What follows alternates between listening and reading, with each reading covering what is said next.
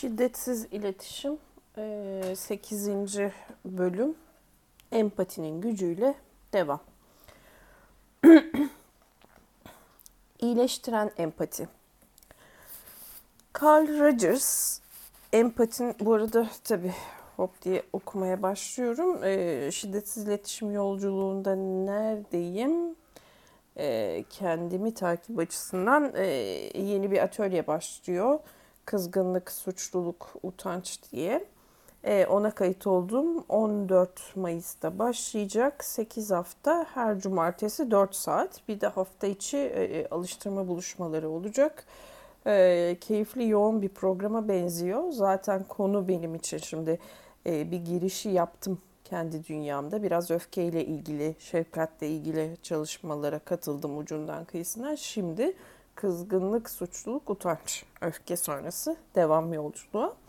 E, dolayısıyla e, tatlı tatlı, e, yavaş yavaş adımlarla devam ediyor. Kendi hayatımda da, günlük hayatımda da e, küçük defterime e, yeri geliyor zaman zaman yaşadığım duyguyu anlamak için ne oluyor, ne bitiyor yazıyorum. Çok faydası oluyor.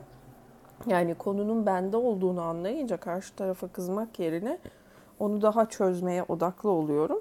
Ve nasıl daha çözmek bazen bazen nasıl doğru kullanacağımı bilmek. Elimdeki aletleri işte duyguyu, ses tonumu, bedenimi, tepkilerimi bunları kullanmak da doğru kullanmak da önemli. Sonuca yönelik, sonuca hizmet ediyor, çözüme hizmet ediyor. Biraz bu ne neye hizmet ediyor kafası değişik bir kafa oluyor. Evet başlıyorum. E, Carl Rogers yine başlayamadım çünkü bir yandan da şey de söyleyeceğim sertifikalı eğitmenlik dokümanı var şiddetsiz iletişim sitesinde. E, dün akşam da biraz onu e, bir şöyle bir bakmıştım daha önce. Şimdi biraz daha alıcı gözüyle şöyle bir baktım. Daha yolum var tabii. Ama e, hani neler gerekiyor, ne yapılıyor aşamaları o kadar güzel detaylı yazmışlar ki 40-50 sayfalık bir doküman yanlış hatırlamıyorsam. Ee, öncelikle benim ilk aşamam e, anladığım oradan okuduğum kadarıyla. Daha sonra hatta sesli okuyup buraya da kaydedebilirim o dokümanı. Bence önemli e, bir doküman.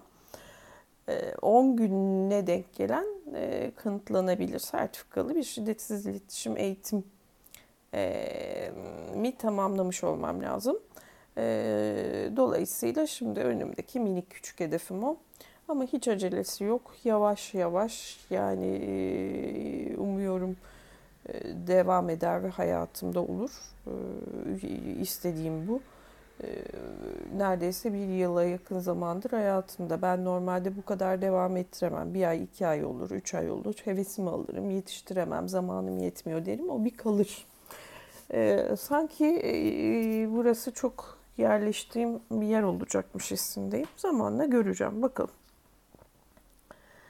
Bu sefer kesin başlıyorum.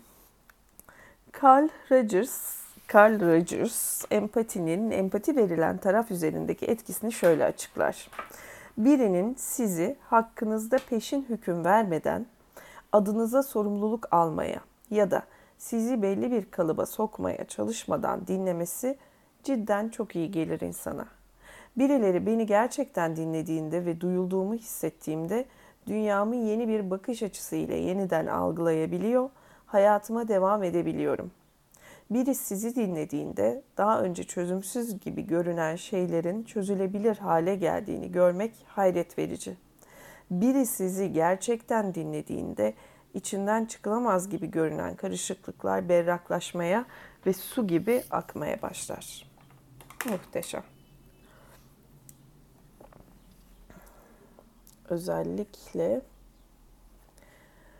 şu başı birinin sizi hakkınızda peşin hüküm vermeden adınıza sorumluluk almaya ya da sizi belli bir kalıba sokmaya çalışmadan dinlemesi cidden çok iyi gelir insana. Mesela ben peşin hüküm vermeden dinlemeyi yıllardır hani becermeye çalışıyorum ama adına sorumluluk almamak ve belli bir kalıba sokmaya çalışmadan dinlemek.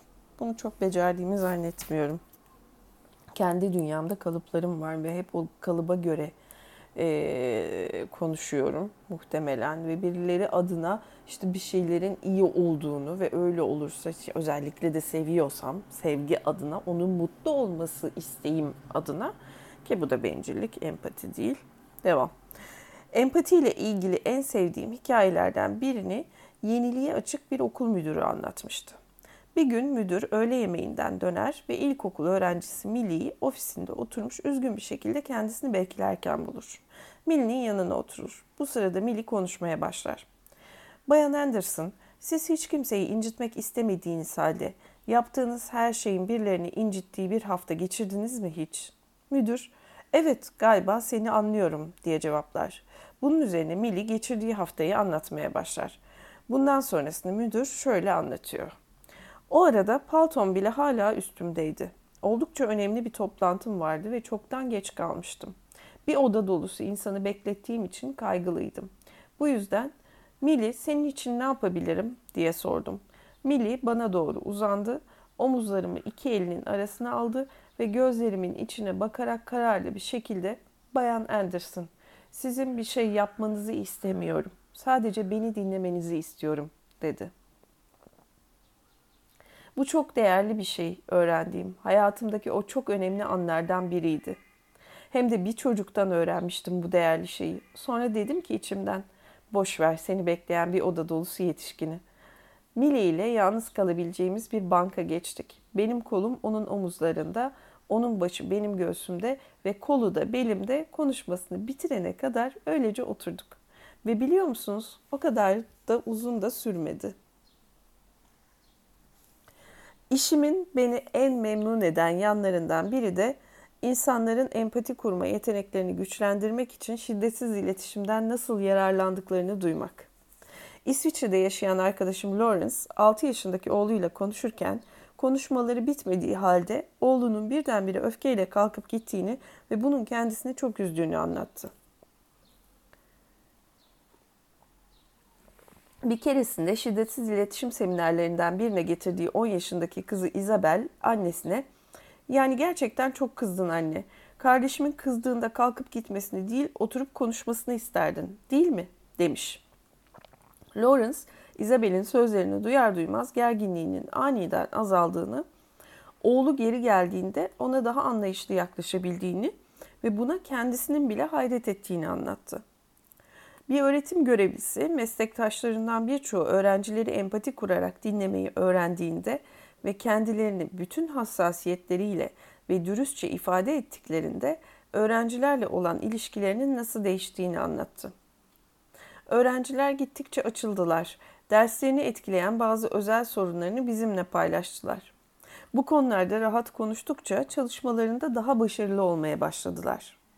Bu tür dinleme çok zamanımızı alsa da biz zamanımızı bu şekilde kullanmaktan memnunduk. Ama maalesef dekanımız bundan rahatsız oldu. Bizim danışman olmadığımızı, öğrencilere bir şeyler öğretmeye, onlarla konuşmaktan daha çok zaman ayırmamız gerektiğini söyledi. Bu durum karşısında ne yaptıklarını sorduğumda öğretim görevlisi şunları söyledi.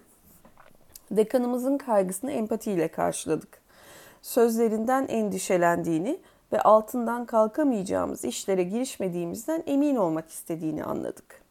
Ayrıca öğrencilerle konuşmaya ayırdığımız zamanın ders verme yükümlülüklerimizi aksatmayacağından da emin olmak istediğini anladık.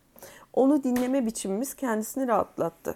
Öğrencilerle konuşmalarımıza devam ettik. Çünkü onları dinledikçe derslerinde daha başarılı olduklarını gördük. Hiyerarşik yapısı olan kurumlarda çalıştığımızda üst kademedeki kişilerden emir ve yargılar duyma olasılığı yüksektir.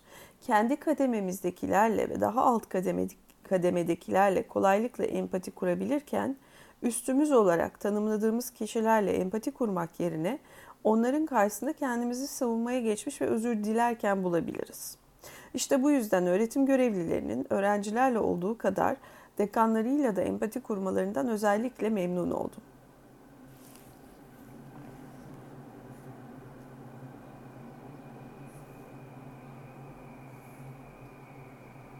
Çiziyorum ama her tarafı çizilesi ki kitabın yani. Devam. Empati kurma ve yaralanabilirliği gösterebilme becerisi. Wow, yaralanabilirlik. Evet.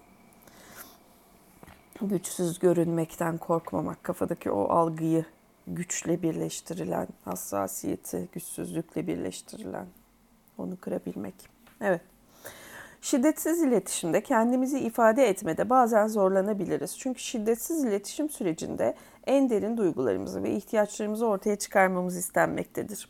Ancak başkalarıyla empati kurduktan sonra kendimizi daha kolay ifade edebiliriz. Çünkü böylelikle onların insanlığa dokunmuş, insanlığına dokunmuş ve ortak niteliklerimizin farkına varmış oluruz. Sözcüklerin ardındaki duygu ve ihtiyaçlarla bağlantı kurdukça diğer insanlara iç dünyamızı açabilmemiz daha az korkutucu bir hal alır. Yaralanabilirliğimizi ifade etmede en isteksiz olduğumuz anlar genellikle otoriteyi veya kontrolü kaybetmek korkusuyla sert imajımızı korumak istediğimiz anlardır.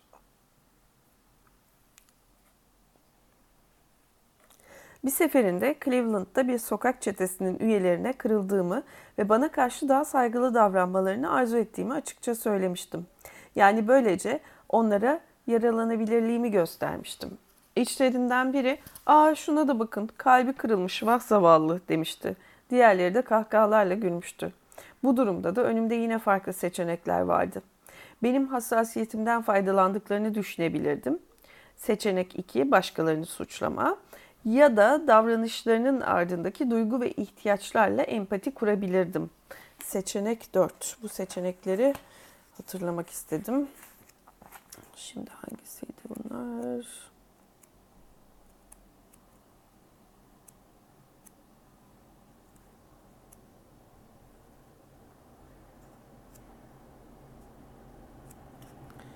Burası değil herhalde. Ricada değildi.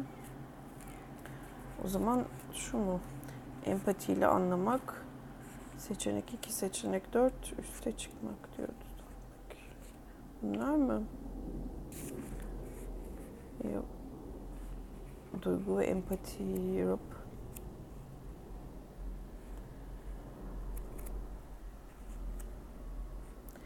Hatırlayamadım ve bulamadım. Sonra bakacağım bu seçenek neredeydi diye.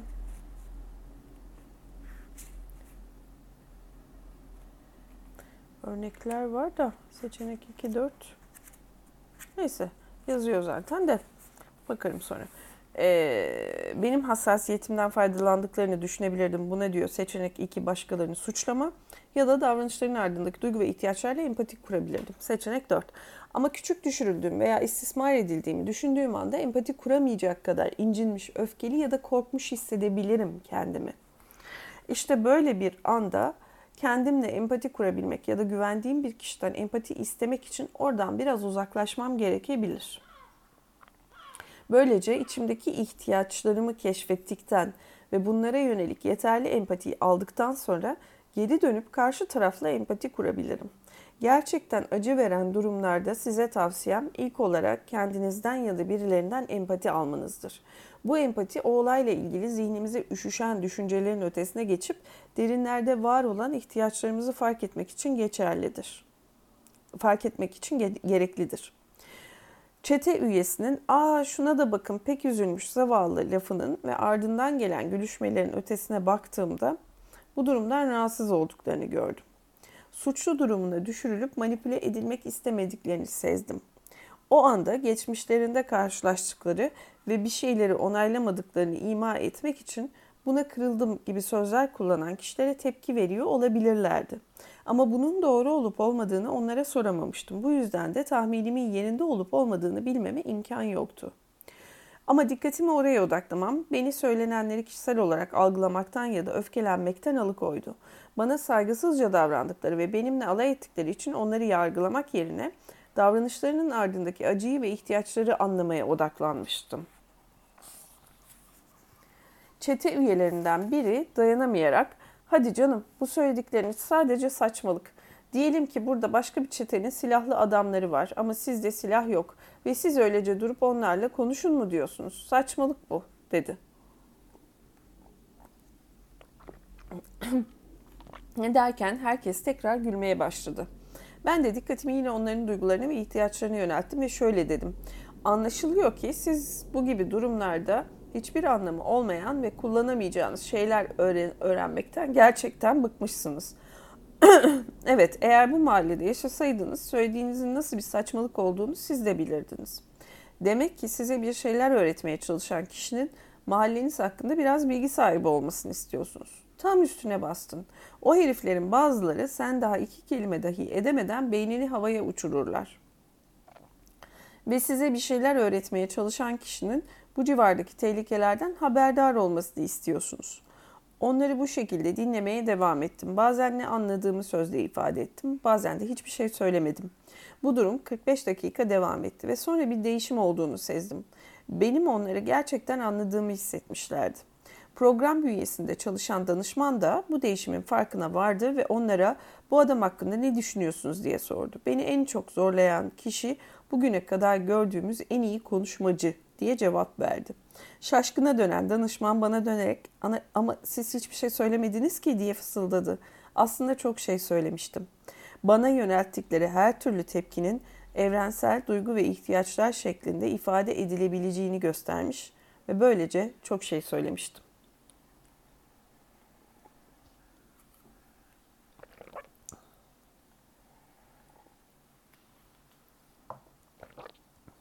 Başkalarının duygularını ve ihtiyaçlarını dinleyerek çok şey söyleriz. Tehlikeyi etkisiz hale getirmek için empati. Gergin durumlarda insanlara empati verebilmek muhtemel şiddeti etkisiz hale getirebilir. St. Louis'nin kenar mahallelerinde çalışan bir öğretmen başından geçen bir olayı anlatmıştı. Diğer öğretmenler dersler bittikten sonra kendi güvenliği için binayı terk etmesi konusunda onu uyardığı halde bir öğrencisine yardımcı olmak için okulda kalmış. Yabancı biri sınıfa girmiş ve aşağıdaki olay meydana gelmiş. Genç adam elbiselerini çıkar. Öğretmen adamın titrediğini fark eder. Bu yaptığın seni çok korkutuyor değil mi? Genç adam duymuyor musun beni? Lanet olsun çıkar şu elbiselerini. Öğretmen şu anda çok sinirlenmiş olduğunu hissediyorum ve söylediklerini yapmamı istiyorsun. Genç adam tam üstüne bastın ve eğer dediklerimi yapmazsan canı çok yanacak. Öğretmen eğer canımı yakmadan ihtiyaçlarını karşılamanın bir yolu varsa bana söylemeni isterim.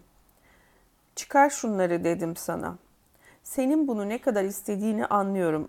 Aynı zamanda kendimi ne kadar korkmuş ve kötü hissettiğimi, canımı acıtmadan gidersen sana ne kadar minnettar olacağımı da bilmeni istiyorum. Çantanı ver. Tecavüze uğramadığı için rahatlamış bir şekilde çantasını uzatmış.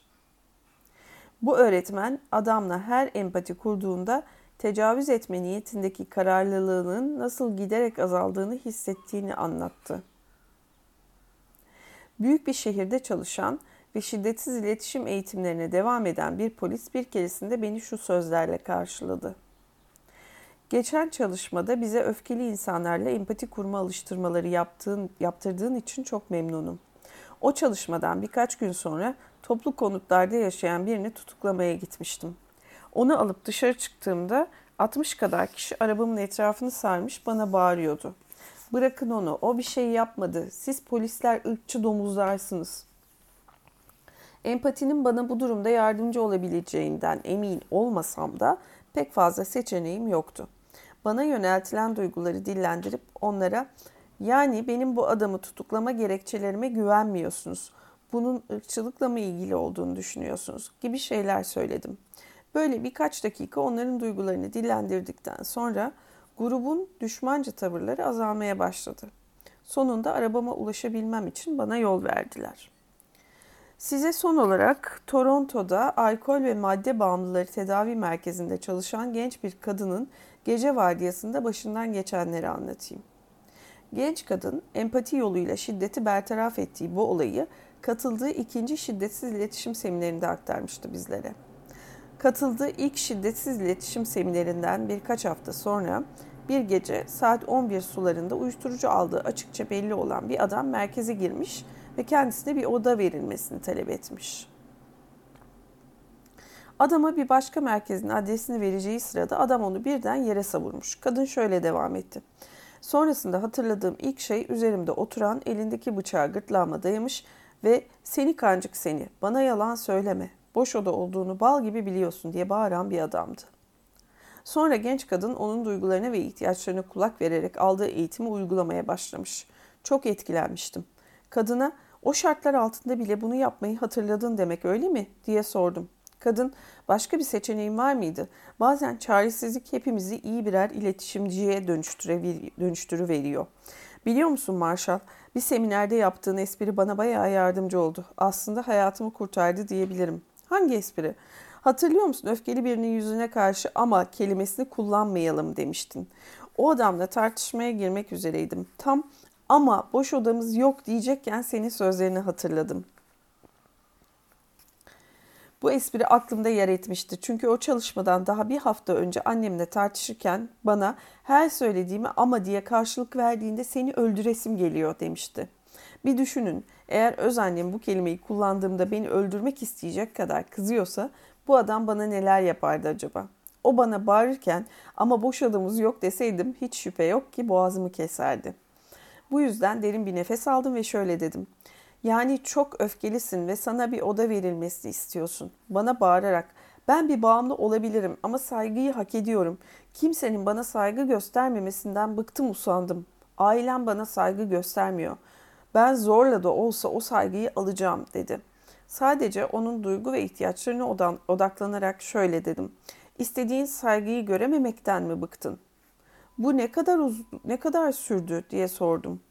İstediğin saygıyı görememekten mi bıktın? Bu ne kadar sürdü? Aşağı yukarı 35 dakika kadar diye cevap verdi. Senin için çok korkutucuydu herhalde dedim. Aslında hayır. İlk bir aa, şey kadına ne kadar sürdü demiş pardon. Marshall söylüyor bu ne kadar sürdü diye. Ben de istediğin saygıyı görememek mi adama soruyor zannettim. Bu ne kadar sürdü diye. Bu ne kadar sürdü? Aşağı yukarı 35 dakika kadar. Senin için çok korkutucuydu herhalde dedim. Aslında hayır. İlk birkaç cümleden sonrası öyle değildi. Çünkü daha önce burada öğrendiğimiz bir şeydi yaşadığım. Onun duygu ve ihtiyaçlarını tahmin etmeye odaklandığımda onu artık bir canavar gibi görmüyordum. Senin de söylediğin gibi canavar görünenlerin de birer insan olduğunu, sadece davranışlarının ve kullandıkları dilin insani yanlarını görmemizi engellediğini anlıyordum.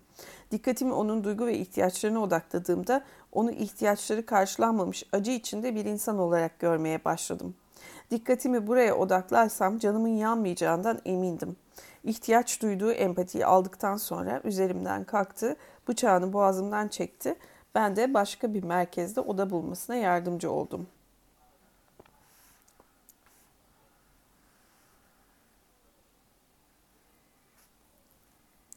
İnsanların duygu ve ihtiyaçlarını dinlediğimizde onları artık canavar gibi görmekten vazgeçeriz. Öfkeli birine ama demek yerine onunla empati kuralım. Bu küçük küçük kareler çok tatlı notlar. Bunları aslında bir yerde toplayabilirim. Devam. Böylesine uç bir durumda bile empatiyle tepki vermeyi öğrenmiş olmasına çok sevinerek merakla sordum.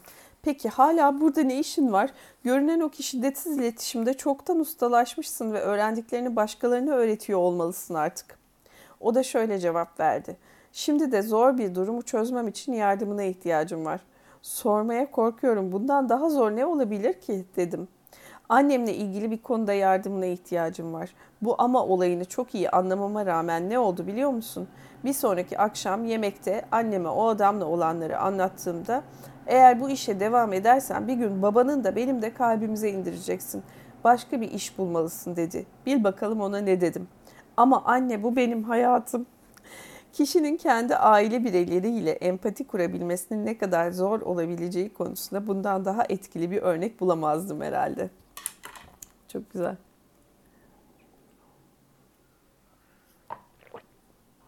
Azılı suçluyla boğazında bıçakla empati kuruyorsun, annenle kuramıyorsun. Hayatın muhteşem dileması. Hayır dendiğinde empati kurmak. Bir başkasının hayır ve istemiyorum sözlerinden reddedilme anlamı çıkarmaya çok yatkınızdır. Halbuki bu gibi ifadeler empati kurmamızı gerektiren çok önemli mesajlardır. Bu mesajları kişisel olarak algılarsak karşımızdakinin iç dünyasında gerçekte neler olup bittiğini anlamadan kendimizi incinmiş hissedebiliriz. Oysa bir kişinin hayırının ardındaki duygu ve ihtiyaçları görebilirsek bizim istediğimiz yanıtı vermesini engelleyen isteklerini anlayabiliriz. Bir seferinde seminere ara verdiğimiz sırada katılımcılardan bazılarıyla, bazılarıyla yakında bir yerlere dondurma yemeye gidiyorduk. Seminerdeki bir kadını da davet ettim. Sert bir şekilde hayır diye cevap verdi. Sesinin tonu bu cevabını bir red olarak yorumlamama neden olmuştu. Ta ki hayır sözüyle ifade etmeye çalıştığı duygu ve ihtiyaçlarına odaklanmayı hatırlayana kadar. Şöyle dedim. Kızgın olduğunuzu hissediyorum. Öyle mi? Hayır. Sadece her ağzımı açtığımda sözlerimin düzeltilmesini istemiyorum diye cevap verdi. O anda kızgın değil de korkmuş olduğunu hissettim. Öyle olup olmadığını kontrol etmek için sordum. Yani korkuyorsunuz ve iletişim şeklinizin yargılanabileceği bir duruma düşmekten kaçınıyorsunuz. Öyle mi? Evet diye doğruladı ve devam etti. Dondurmacıda oturduğumuzu ve söylediğim her lafı dikkatle incelediğinizi hayal edebiliyorum. O anda seminerde geri bildirim verme şeklimin onu korkuttuğunu anladım. Cevabıyla kurduğum empati hayırın acısını benim için azaltmıştı. Onun toplum içinde buna benzer bir geri bildirim almaktan kaçınmak istediğini anladım. İletişim tarzını toplum içindeyken değerlendirmeyeceğimi söyledim. Sonra da kendini güvende hissetmesini sağlayacak şekilde nasıl geri bildirim verebilirim diye ona danıştım. Evet, dondurma yerken bize katıldı.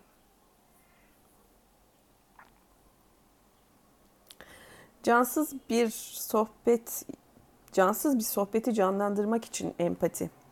Hepimiz kendimizi zaman zaman cansız bir sohbetin ortasında buluruz. Bir sohbet ortamında konuşan kişiyle gerçekten bağlantıda hissetmeden söylediklerini yarım kulakla dinliyor olabiliriz.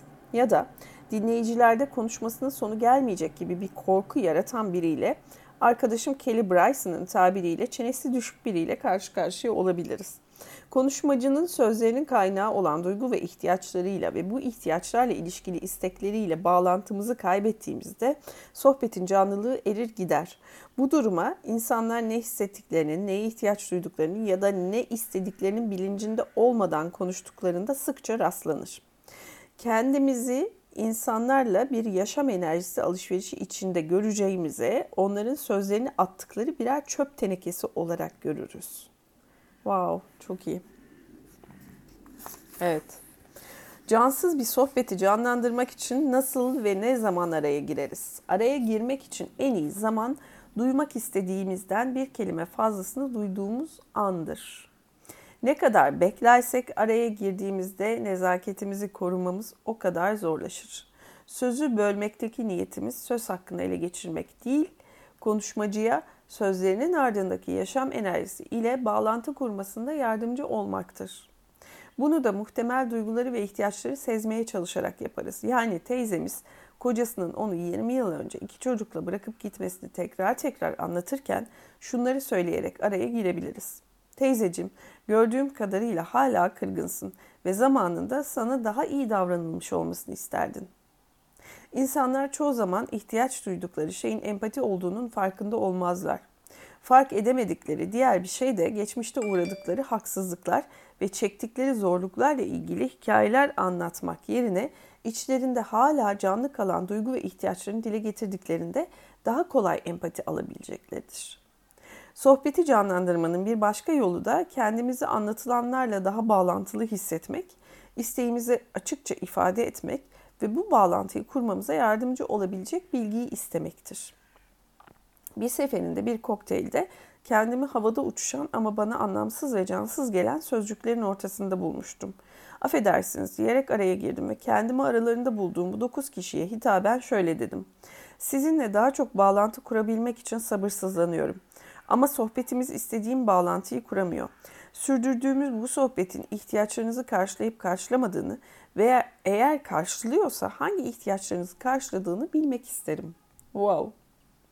Dokuzu da sanki içki kasesine koca bir fare atmışım gibi dik dik baktılar. Neyse ki onların sessizliğinde ifade bulan duygu ve ihtiyaçlara yönelmeyi hatırlamıştım.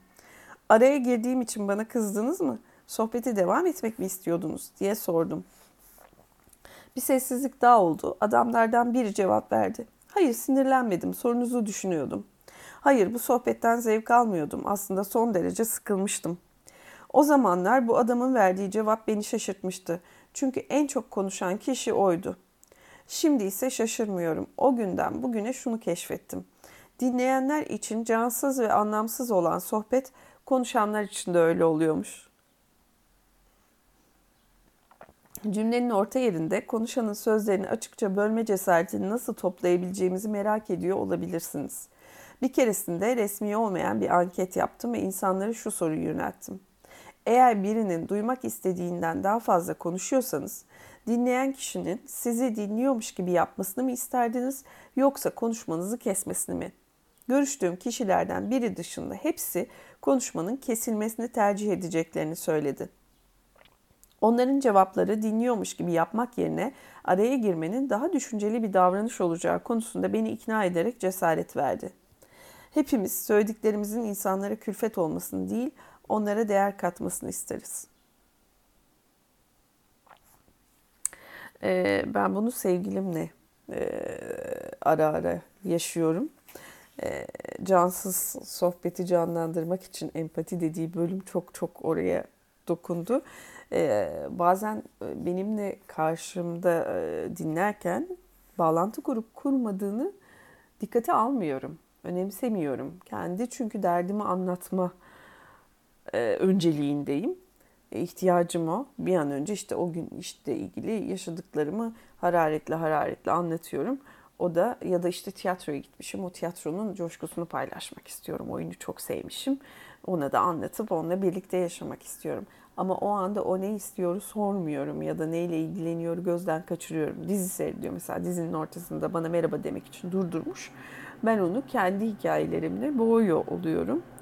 Ee, ama çok güzel yönetiyor. Ee, biraz sert geliyor bazen e, kesmesi. Kesiyor mesela. Şu anda dinleyemeyeceğim diyor. Dönüyor dizisini seyretmeye devam ediyor. Kendini gözetiyor aslında orada. Ve bana onunla bağlantı kurmadığım için kızıyor aslında. Yani ben onun ihtiyacını düşünmediğim için bencillik yaptığımı düşünüyor. Daha sonra bunun üstüne konuşuyoruz. Hakikaten hani gelip e, bunu tek taraflı anlatmaya çalışmam, benimle bağlantıda mısın, şu anda yerin var mı bunu dinleyecek diye sormamam, o empatiyi göstermemem e, gerçekten de onun açısından bencilce görünüyor, bencilce oluyor. Hakikaten de ben o sırada ikimizi gözetmiyorum. Kendimi gözeterek anlatmaya çalışıyorum. O yüzden e, çok anlamlı bir yere dokundu bu bölüm bende. Çok günlük yaşadığım şeye dokundu. Devam. Suskunluk halinde empati. Çoğumuz için empati kurulması en zor hallerden biri de suskunluktur. Bu durum özellikle kendimizi tüm yaralanabilirliğimizle ifade ettiğimizde ve sözlerimize başkalarının nasıl tepki vereceğini duymaya ihtiyacımız olduğunda geçerlidir. Böyle zamanlarda en büyük korkularımızı tepkisizliğe yüklemek ve sessizlikle ifade edilen duygu ve ihtiyaçlarla bağlantı kurmayı göz ardı etmek çok kolaydır. Bir keresinde bir firmanın elemanları ile çalışma yaptığım sırada çok duygusal bir şeyden bahsederken birden ağlamaya başladım. Başımı kaldırıp baktığımda şirketin yöneticisinden benim için hiç de kolay olmayan bir tepki aldım. Sessizlik. Yüzünü başka tarafa çevirdi. Ben de bunu bir hoşnutsuzluk ifadesi olarak yorumladım. Neyse ki dikkatimi onun iç dünyasında olanlara yönlendirmeyi hatırladım ve şöyle dedim. Benim ağlamama gösterdiğiniz tepkiden anlıyorum ki davranışımdan hoşlanmadınız ve çalışanlarınıza danışmanlık yapacak kişinin duygularına daha iyi hakim olmasını tercih ederdiniz. Eğer evet deseydi duygularımı bu şekilde ifade etmekle hata yaptığımı düşünmeyecek, yalnızca duyguları ifade etmeyle ilgili farklı değerlerimiz olduğunu kabul edecektim. Ama yöneticinin cevabı evet değil şu oldu. Hayır öyle değil. Karımın ağlayabilmemi ne kadar çok istediğini düşünüyordum. Açıklamaya devam ederek onu boşamak üzere olan karısının onunla yaşamanın bir duvar ile yaşamakla aynı olduğundan şikayet ettiğini söyledi. Psikoterapist olarak çalışırken psikiyatrik tedavi gören 20 yaşında bir genç kızın ailesi benimle irtibata geçmişti. Aylarca ilaç ve şok tedavisi görmüş, ayrıca hastanede yatmış olan bu kız son 3 aydır konuşmuyordu. Onu ofisime getirdiklerinde yardım etmeleri gerekti çünkü kendi kendine hareket edemiyordu.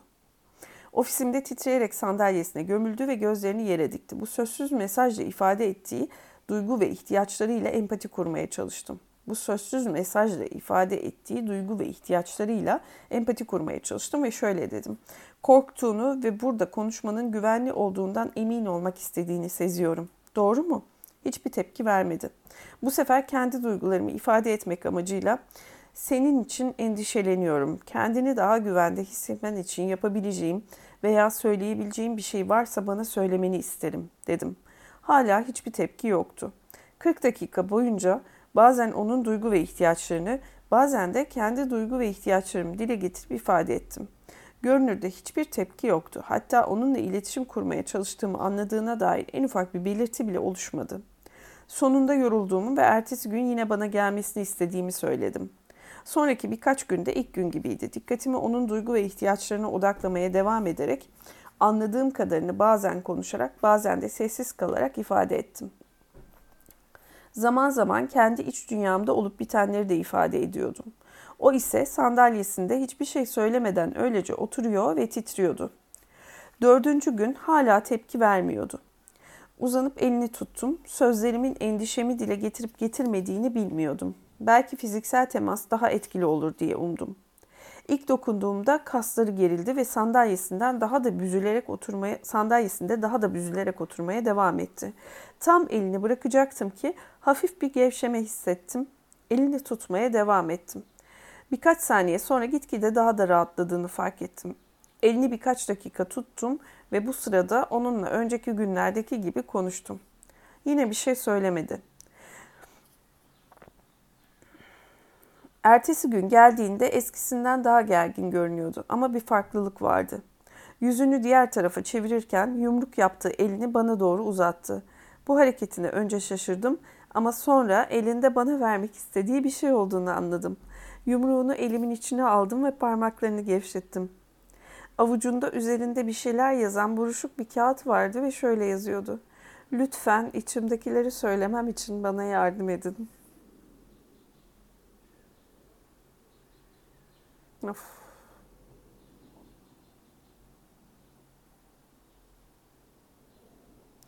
İnsanın kendiyle mücadelesi ne kadar zor. Nasıl karından bir istek, bir cümle bu.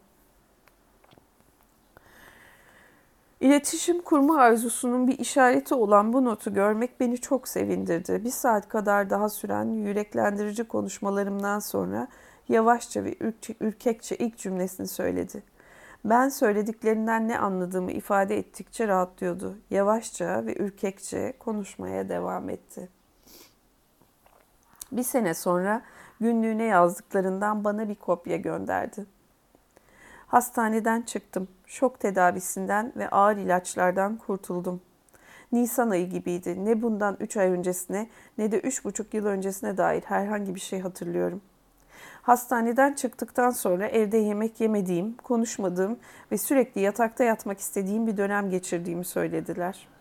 Sonra Doktor Rosenberg'e bana danışmanlık etmesi için gönderildim. Ondan sonrasındaki iki veya üç aya dair pek bir şey hatırlamıyorum. Doktor Rosenberg'in ofisinde olduğum ve onunla konuştuğum dışında. Onunla yaptığımız birinci görüşmeden sonra uyanmaya başlamıştım. Beni rahatsız eden ve başkalarına söylemeyi hayal bile edemeyeceğim şeyleri onunla paylaşmaya başlamıştım. Bunun benim için ne çok şey ifade ettiğini hatırlıyorum. Konuşabilmek çok zordu. Ama Doktor Rosenberg bana önem veriyor ve bunu açıkça gösteriyordu ve ben de onunla konuşmak istedim.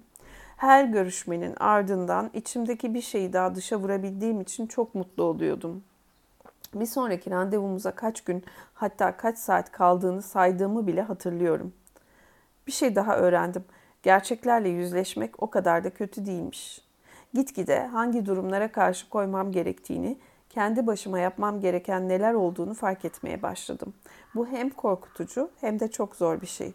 O kadar çaba harcamama rağmen yine de feci şekilde başarısız olma ihtimali öylesine cesaret kırıcı ki. Ama gerçeğin iyi tarafı onun aynı zamanda harika şeyler de barındırdığını görüyor olmam. Geçtiğimiz yıl kendimi başkalarıyla paylaşmanın ne kadar harika bir şey olabileceğini öğrendim. Benim için en önemlisi diğer insanlarla konuşmamın, onların beni gerçekten dinlemesinin ve hatta bazen anlamasının verdiği büyük heyecandı. Empatinin iyileştirici gücü beni hayrete düşürmeye devam ediyor. İnsanların kendilerini empatiyle dinleyen biriyle yeterince iletişim kurabildiklerinde psikolojik acıların felç edici etkilerini nasıl aştıklarına defalarca şahit olmuşumdur. Dinleyici olarak psikolojik dinamikleri kavramaya veya psikoterapi eğitimine ihtiyacımız yoktur. Önemli olan karşıdakinin içinde neler olup bittiğine, yani o anda ne hissettiğine ve nelere ihtiyacı olduğuna duyarlı olabilmektir. Özet Empati sunabilme yeteneğimiz kendimizi tüm yaralanabilirliğimizle ifade edebilmemizi, olası şiddeti önlememizi, hayır kelimesini reddedilme olarak algılamadan kabul edebilmemizi, cansız bir sohbeti canlandırabilmemizi ve hat, hatta sessizliğin ardındaki duygu ve ihtiyaçları anlayabilmemizi sağlar. İnsanlar kendilerini empatiyle dinleyen biriyle yeterince iletişim kurabildiklerinde psikolojik acıların felç edici etkilerini aşarlar. Muhteşem bir bölümdü bu da.